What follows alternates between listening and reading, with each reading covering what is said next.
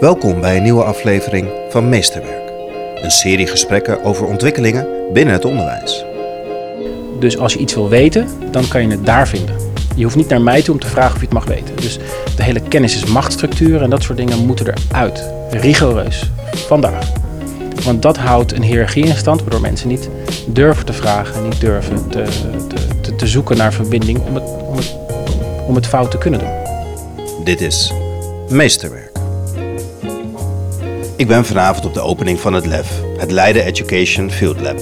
Het LEF is van en voor het Leidse onderwijs. Een netwerk met een fysieke locatie waar onderwijsprofessionals met passie en een actieve rol binnen het onderwijs samen kunnen innoveren en onderzoeken. Een van de sprekers vanavond is Heiko van Velzen. De titel van zijn workshop is Het breken van paradigma's. Yes, hij staat aan. Ja, Welkom. Heiko. dank je. We zijn op het LEF in Leiden. En je hebt net een opstelling gemaakt. Er komen straks eh, bezoekers. Ja. Jij gaat met hen aan de slag. Wat is de kern van de boodschap wat je met hen gaat delen? Ja, nou ja, die is op zich vind ik wel vrij makkelijk, maar wel heel moeilijk uit te voeren. Eh, vanuit maximale onzekerheid eh, de toekomst aangaan. Wat bedoel je vanuit maximale onzekerheid? Nou, wat ik belangrijk vind in het onderwijs is, we weten niet waar het heen gaat. We hebben geen idee hoe het eruit ziet. Heb ik niet eens over leraartekort of zo, maar meer eh, de techniek gaat zo snel. De ontwikkelingen gaan zo snel. Ik heb geen idee hoe de klas er over 15, eh 15 jaar uitziet. En, en dat maakt mij heel onzeker. Maar als ik nou in staat ben om die onzekerheid te accepteren en eigenlijk om te zetten tot een kracht, ik weet het niet. En dat is oké. En dat doe je vanuit vertrouwen, dan denk ik dat het onderwijs een stukje sterker wordt. En, en dat is wat ik de directeuren die ik lesgeef, maar ook de kinderen die ik les gaf en de collega's met wie ik werk mee probeer te geven. Het is oké dat je het niet weet. En zet dat om naar een kracht. En dat je daardoor open staat als je het niet weet, in plaats van afsluit en je kopje naar beneden doet en wegloopt. En als je van een afstandje kijkt, hè, dan, dan klinkt dat vrij makkelijk. Ja, Je hebt het op de Einstein-school natuurlijk gedaan. ja. Ehm, hoe help je hun? Want de eerste reactie van een leraar is heel vaak: ja, waar moet ik eigenlijk aan voldoen? Hoe verantwoord ik me? Die willen het goed doen vaak ook. Ja. Dus de eerste kramp kan ook nog wel eens zijn als we het loslaten. Ja, maar wat dan? Hoe help je die mensen eigenlijk om een eerste stap te zetten ja om het los te laten? Nou, vertrouwen is sowieso een keuze. Vertrouwen is niet wat je verdient. Dus ik kies ervoor om hier met jou op de bank te zitten en je te vertrouwen. En als dat niet zo is, moeten we daarover over hebben. En als we er niet uitkomen dat we elkaar vertrouwen, dan moeten we dit niet doen. En het gaat ook zo tussen een, een leidinggevende eh, en iemand die, die daar eh, toe behoort. Of maar ook collega's, kinderen onderling. Vertrouwen is altijd een keuze. Dus dat is, dat is één aspect ervan. Dus ik vertrouw in jouw professionaliteit dat jij weet wat je moet doen. En als je het niet weet, vertrouw ik erop dat je het aan me vraagt, want er zit geen oordeel in. Dat is één ding. Het andere waar ik altijd grapjes over maakte, het is heel makkelijk om te weten wanneer je het goed doet, want je doet het nooit goed. Maar je doet het ook altijd goed. Eh, dus ook de, de kunst van het falen noemden we dat. Dus ik, ik hoop erop dat de leerkrachten of de mensen met wie ik samenwerk zoveel mogelijk falen. Fouten maken, fouten maken, fouten maken, fouten maken. En daarna, eh, als het echt mis is gegaan, repareren. En dat doe je door eerst de kleine dingetjes te leren te repareren. Dus tegen een klas zeggen, nou, dat, deze les, ik stop er nu mee. Want blijkbaar gaat het niet goed. En dan later aan ze vragen, help me eens. En daar ook verantwoordelijkheid in te geven. Maar ook naar ouders toe te gaan. Of naar je leidinggevende toe te gaan. En dus constant het weer repareren. Om, om samen eh, weer te kijken hoe je dan verder gaat. Heb je een mooi voorbeeld waarin je dat kan, kan verbeelden? Dat, dat ik kan zien van hey, daar gaat iets op een school of met een leraar, met een groep. Er gaat iets mis, maar je steekt ook vervolgens je hand uit en je zegt van hé, hey, sta weer op en Ja, dat zit op, op verschillende niveaus zit dat. Dus ehm, het, het eerste heeft te maken met hoe je je... eh, dus, dus vanuit het perspectief van, van, van een directeur kan je kijken naar hoe organiseer je je school en hoe geef je leiding. Dat, is, dat is één stuk. Vanuit het perspectief van een leerkracht is hoe creëer je een pedagogisch klimaat in je klas waarin veiligheid voorop staat. En, en dat gaat niet over een kanjekring of veetschermen school of wat dan ook. Dat is nou, prima als je het doet, maar dat is volgens mij niet de essentie van een pedagogische relatie. Pedagogische relatie is die vijf en een half uur lang of acht uur lang dat je met kinderen werkt. En dan is ook dat je... eh, nou ja, er werd op de, op de Einstein werd een jongen gepest. Heel heftig gepest. En we kwamen erachter. Nou, iedereen bij elkaar, iedereen heeft een grote hoop. De hele school bij elkaar. En de eerste vraag was, wie wist dit? Gewoon een open vraag, wie wist dit? En dan gingen vingers omhoog. Nou, toen zei ik, eh, oh kut. Dan is het probleem nog erger dan ik dacht. Want jullie wisten het wel en ik wist het niet. Hoe kan dit? maar zonder degene die, die pesten de schuld te geven. Dus met elkaar kijken, oké, maar wat is er nu nodig om verder te gaan? En welke stappen moeten we nu nemen om verder te gaan? Zodat een kind ook een fout kan maken. Want pesten is soms ook gewoon een fout. Niet doorhebben wat er aan de hand is. En dat degene die pest in staat is en de kans krijgt met hulp om te repareren, om weer terug in de groep te komen, om samen verder te gaan. Dat is vanuit de, pedagogische relatie je fouten mogen maken. Ik denk als je je school organiseert uh, en je creëert echt ruimte voor fouten, dan moet je mensen ook hun gang laten gaan. En dan moet je ze ook fouten laten maken. Ook al zie jij het aankomen dat het misgaat, gewoon laat maar gebeuren. Laat maar gebeuren. Laat ze maar keihard tegen de muur aanklappen. En als ze dat dan doen, dan ga je ernaast staan, dan, dan raap je ze op en dan klop je samen je kleren af. En dan, dan zeg je, oké, nou, je, kan, je kan nu dit doen, je kan nu zus doen, je kan nu zo doen. Of als je zelf een beter idee hebt, dan doen we dat. Wat wil je doen? Hoe dan ook, ik steun je. Hoe dan ook. En uiteindelijk terugkijken, wat hebben we hiervan geleerd? Want je leert meer van het feit dat het misgaat dan wanneer het goed gaat. Dan gaan mensen ook echt hun nek uitsteken. En het grappige is, als je dat toelaat, dan zie je dat heel vaak, net voordat de mensen de muur raken, soms zit hun neus er tegenaan dat ze stoppen en denken: hm, is dit handig? En dan gaan ze hulp vragen of verder kijken, omdat er zoveel veiligheid is dat ze ook hulp mogen vragen. En daarin creëer je in je organisatie, wat ongelooflijk van belang is, dat, dat er dus geen kennis verborgen mag zijn. Dus als je iets wil weten, dan kan je het daar vinden. Je hoeft niet naar mij toe om te vragen of je het mag weten. Dus de hele kennis is machtsstructuur en dat soort dingen moeten eruit. Rigoureus. Vandaag. Want dat houdt een hiërarchie in stand, waardoor mensen niet durven te vragen, niet durven te, te, te, te zoeken naar verbinding om het, om, het, om het fout te kunnen doen. en hoe neem je zo'n zo'n team of hoe neem je een, een aantal scholen helemaal in dit verhaal mee? Want als ik even uh, naar mijn eigen tuin kijk, de leraaropleiding, dan, dan herken ik ook nog wel in onderwijsland dat heel veel mensen zeggen: vertel me wat ik moet doen en hoe gaan we het samen doen, zodat er duidelijkheid is en concreetheid. Dat ten eerste denk ik dat als je iemand iets anders wil laten zien, moet je hem anders laten denken. Ehm, dus Paul Kiesner zegt dat volgens mij ook, dat, dat het, het, de beschikbaarheid van kennis is iets anders dan het bezitten van kennis. Dus je hebt kennis nodig om, om alles wat beschikbaar is aan kennis tot je te nemen. Dus als je niet kan lezen, dan kan je wel naar een Gert Bista boek kijken, maar dan snap je er niks van. En als je uh, maar een klein beetje kan lezen, snap je nog steeds niks van. En hoe meer je van hem leest, hoe meer je hem soms ook lekker in twijfel kan trekken of er kan tegen argumenteren. Maar je hebt kennis nodig om te begrijpen wat hij zegt. Om het er ook echt mee oneens te zijn of eens te zijn. Dus dat is één aspect. Dus hoe kan ik ervoor zorgen dat er kennis gecreëerd wordt uh, in de hoofden van de mensen met wie ik samenwerk? En dat ze het oprecht volledig met mij oneens mogen zijn. En dat dat oké is. En dat ik dat eigenlijk ook toejuich. Dus dat is één ding. Het andere wat ik doe, bijvoorbeeld nu met een groep directeuren waar ik mee mag werken. Die, die vragen vanaf dag één eigenlijk naar lijstjes. Weet je, waar moet ik aan voldoen? Hoe moeten mijn stukken eruit zien die ik inlever? En dan geef ik gewoon een antwoord op. Ik zeg af en toe, hou dit bij, maak daar een verslag van. Schrijf daar een reflectie op. Doe het zo, doe het zo. Maar ik hou ze heel erg in het ongewisse. En dat doe ik expres om ze aan het twijfelen uh, te krijgen. Uh, en dan ga ik met ze in gesprek. Maar wat heb je nou nodig om niet te twijfelen? Nou, meer informatie. Oké, nou dit en dit. Of uh, dat ze met elkaar uitdelen en uitwisselen van... joh, wat we twee weken geleden behandeld hebben. Ik heb dat toegepast op mijn school. Met, met zes, zeven boze ouders. Ze werden gewoon rustig. Dus dat ze ook vertrouwen bij elkaar weghalen... dat we de goede dingen aan het doen zijn. En af en toe zeg ik, nou, als je dat en dat gewoon bijhoudt... op een gegeven moment moet je van mij iets maken... dan, dan is het oké. Dus hun ook duwen naar de eigen grens die ze hebben van een maximale vorm van onzekerheid. Dus gewoon eat your own dog food. Practice what you preach, zeg maar. Dus gewoon doen. En dan kwamen ze laatst kwam er eentje bij mij en die zei: Nou, ik weet het niet meer. Ik voel me zo onzeker. Ik zei: Dan zijn we op de goede weg. Dus ook gewoon dat doen. Het spreekt mij heel erg aan. En als ik kijk naar de huidige ontwikkelingen en het lerarentekort. En met name mensen die iets verder in hun leven zijn, die iets meer nagedacht hebben over wat wil ik en wat drijft mij.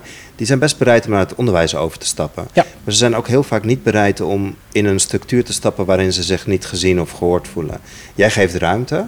Lukt het jou om uh, uh, bij jouw scholen mensen te krijgen die, die hierbij passen? Ja. Kun je ze samen opleiden? Heb je het gevoel dat je een community kan, nou, een aantrekkelijk uh, beroepsperspectief kan neerzetten? Daar zijn we wel mee bezig.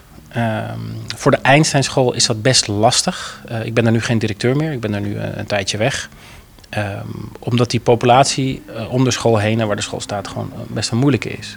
Dus de, de, De onderwijsinspectie was er en die waren ongelooflijk trots en, uh, en onder de indruk wat ze zagen. En tot mijn grote verdriet zei ze: als deze school in Wassenaar staat of in Oesgeest, heb je binnen twee jaar heb je 400 kinderen. Zit die vol? Zit die vol. En de Einstein school is aan het worstelen met zijn leerlingpopulatie. Omdat ze gewoon maar niet aan het groeien zijn. Dat komt omdat wij iets bieden wat eigenlijk niet aanspreekt voor de, voor de sociaal-economische populatie die er een groot gedeelte zit. Dat is, dat is pijnlijk en dat is jammer. Leerkrachten krijgen is niet zo'n heel groot probleem. Zelfs met het leraartekort konden we gewoon goed starten. Dat zei ook in de correspondent. Ja. Laatste zin, oh ja, we hebben geen leraartekort. Dat herken ik bij vernieuwende onderwijsconcepten. Ja. Maar wat wel een probleem is, is dat ik ongelooflijk veel geld kwijt ben aan het opleiden van de mensen die bij ons binnenkomen. Want ze willen wel, maar ze hebben nog, nog, nog tools nodig, ze hebben nog modellen nodig, ze hebben nog van alles nodig. En dat zien we eigenlijk stichtingsbreed. Want er zijn meerdere scholen die, die heftig in de vernieuwing zitten. En als ik dan kijk naar het reguliere opleidingsprogramma wat bij ons uh, in Amsterdam en, en ook uh, eromheen zit, nou, dat doet een beetje pijn. Ja, daarom ben ik ook in gesprek met de hogeschoolleider om een eigen zijnstroomtraject op te gaan zetten, samen met de IPABO. Uh, waarin ongelooflijk innovatief gedacht wordt van hoe kunnen we nou de, de, de zijnstromer volledig in zijn kracht zetten en gebruiken wie hij is of wie zij is om ons onderwijs beter te maken. En dan gaat het echt over de emancipatie van die leerkracht, zodat hij daarna zijn, zijn collega's en zijn kinderen kan emanciperen. En, en ik, ik hoop en ik denk dat wij een opleiding neer aan het zetten zijn, waarbij op een gegeven moment niemand zegt: mag ik versnellen? Maar iedereen blij is dat hij, ja, of een beetje teleurgesteld is, dat hij maar twee jaar krijgt van deze aandacht. En die opleiding gaat erom hoe kunnen wij jou in twee jaar tijd de beste leerkracht maken die jij mogelijkerwijs maar ooit zou kunnen worden in die korte tijd. In plaats van hoe kan je aan de basiskwalificaties zo kort mogelijke tijd voldoen? Dat is, een, dat is een, echt een andere vraag. Dus er zit wetenschapsfilosofie in. Het gaat over over, over, over grote denkers. Het gaat over, over, uh, over bang zijn, over niet weten en over niet durven. En dat zijn allemaal onderdelen die erin zitten. Je pedagogische opdracht.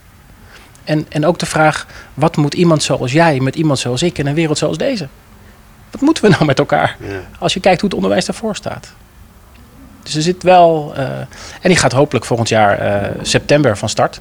Tenminste, hopelijk ga ik stiekem wel een heel klein beetje vanuit. Ja, ja. ik hoor je appel. Ja. Hey, en, en hoe ga jij, in, want daar komen mensen op af, die, die gaan via die manier het onderwijs in. Ja. En ehm, in twee jaar ben je niet die volledige leraar. Nee. Dus het gaat nog jaren duren en die mensen zijn hongerig en die gaan de komende jaren leren. Als, als ze dan leraar zijn, hoe, hoe, hoe zorg je dan binnen jouw bestuur, binnen jouw stichting, dat je die cultuur van doorleren weet nou, waar te borgen? Want daar een van de dingen eh, die we daarop willen doen, uh, is dat uh, de mensen die les gaan geven op die nieuwe Pabo zijn ook een groot gedeelte mensen die gewoon maandag weer voor de klas moeten of gisteren voor de klas stonden. Dus je moet voor de klas staan. Uh, wil je sommige vakken les mogen geven. Dus je krijgt ook een soort tweede arbeidsperspectief erop. Waardoor je ook moet verdiepen. Want om, om aan grote mensen les te geven, is iets anders dan aan kleine mensen lesgeven. Die stellen je ook andere vragen. Zeker als je zijnstromers hebt die een WO-opleiding of een HBO-opleiding al achter de rug hebben. Dan moet je, nou, die moet je, moet je, moet je even goed doorgeleerd en ingelezen zijn. Dan kan je niet, dan ga je echt voor, voor, voor gaas. Dat zorgt ervoor dat je als, als gemeenschap ook constant lerend blijft. En, en dat je ook die, die uitdaging met die mensen aan blijft gaan. Dat die hele organisatie lerend wordt of verder wordt. Als hij, want dat proberen we al te doen.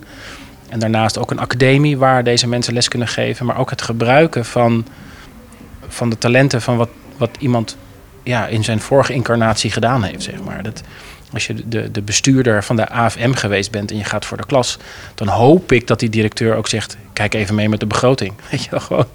Het is je vak. Weet je, dat, dat je dat ook echt, echt uh, in dienst stelt van het onderwijs. Ja, dat je echt uitgaat van de kracht en de talenten die je hebt inzetten.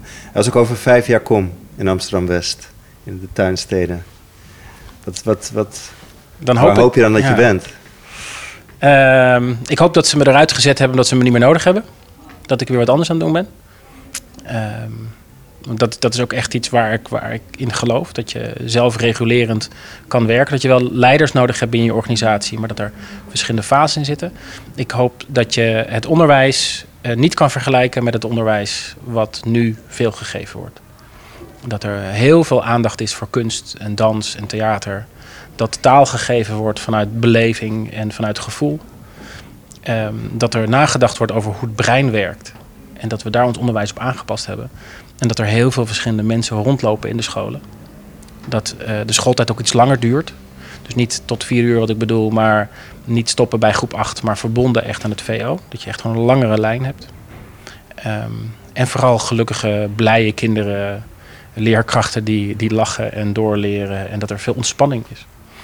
En dat de definitie van een leerkracht een andere is dan we nu hebben. En wat uh, vanuit even mijn perspectief voor het lerarenopleiden, wat, waar ga jij aan de poorten blijven rammelen de komende jaren om je echt hard voor te maken als het gaat om het opleiden van die leraar, wat we gezamenlijk gaan doen? Wat is je belangrijkste boodschap aan ons? Jemig, de belangrijkste boodschap aan jullie. Nou, ik denk dat als je kijkt naar de opbouw van, van hoe, een, hoe een mensen als groepen functioneren, dat we daar wat meer aandacht aan besteden. Dus we hebben het tegenwoordig vaak over zelfsturende teams en zelforganisatie. Nou, zelfsturende teams, stop ermee. Uh, het perfecte voorbeeld van een zelfsturend organisme, dat is de jungle of een prairie. Complete uh, stabiliteit. Nou, stabiliteit is volgens mij waar alles stopt. Um, zelforganisatie geloof ik wel heel erg in. En dat begint volgens mij bij zelfregulatie. Dus je mensen, of ze nou klein of groot zijn, in staat stelt om zichzelf te reguleren binnen veilige kaders. En die kunnen steeds verder opgerekt worden. Wat je dan krijgt, is dat mensen zichzelf kunnen motiveren. Want je mag zelf beslissingen maken. En dan raak je gemotiveerd. En op het moment dat je zelf kan motiveren, dan kan je reflecteren. Oh, wacht, ik heb deze keuze gemaakt omdat ik dat en dat wilde. En zo heb ik het gedaan. En ik mag het fout doen, want dat vinden mensen oké. want daar leer ik van, want ik repareer het weer. En vanuit daar, als mensen die drie dingen kunnen, kunnen ze zichzelf organiseren. En als je jezelf vanuit dat perspectief kan organiseren, dan kan je jezelf ontplooien. En dan sta je nooit meer stil. Want dan is alles een uitdaging, dan is alles een stap. En dan denk je, wow, ik kan dit niet. Wow, ik durf dit niet. Ik ga het doen. Maar wat heb ik dan nodig om het te doen? Nou, dan bel ik jou en ik durf het niet. Wil je me, wat heb, en met twee of drie woorden zegt iemand, oké, komt goed. En, en ik denk dat dat in de pabo's, maar ook eigenlijk in, in meer opleidingen, maar ook in klassen, uh, een definierend belang is om echt tot ontplooiing te komen. Mooi Heiko. Ik voel me wat opgeladen. Er staat een hele grote groep mensen voor de deur te dringen. Ja. Die heel graag net zo geïnspireerd willen worden als ik. Dankjewel. Ja, graag gedaan. Dit gesprek met Heiko van Velzen is er eentje uit de serie Meesterwerk. Meer podcastafleveringen van Meesterwerk zijn te beluisteren via Spotify, iTunes, Soundcloud of kijk op janjabubeek.nl. Meer informatie over het LEF is te vinden op www.hetlef.nl. Hoe dan ook, tot de volgende aflevering van Meesterwerk.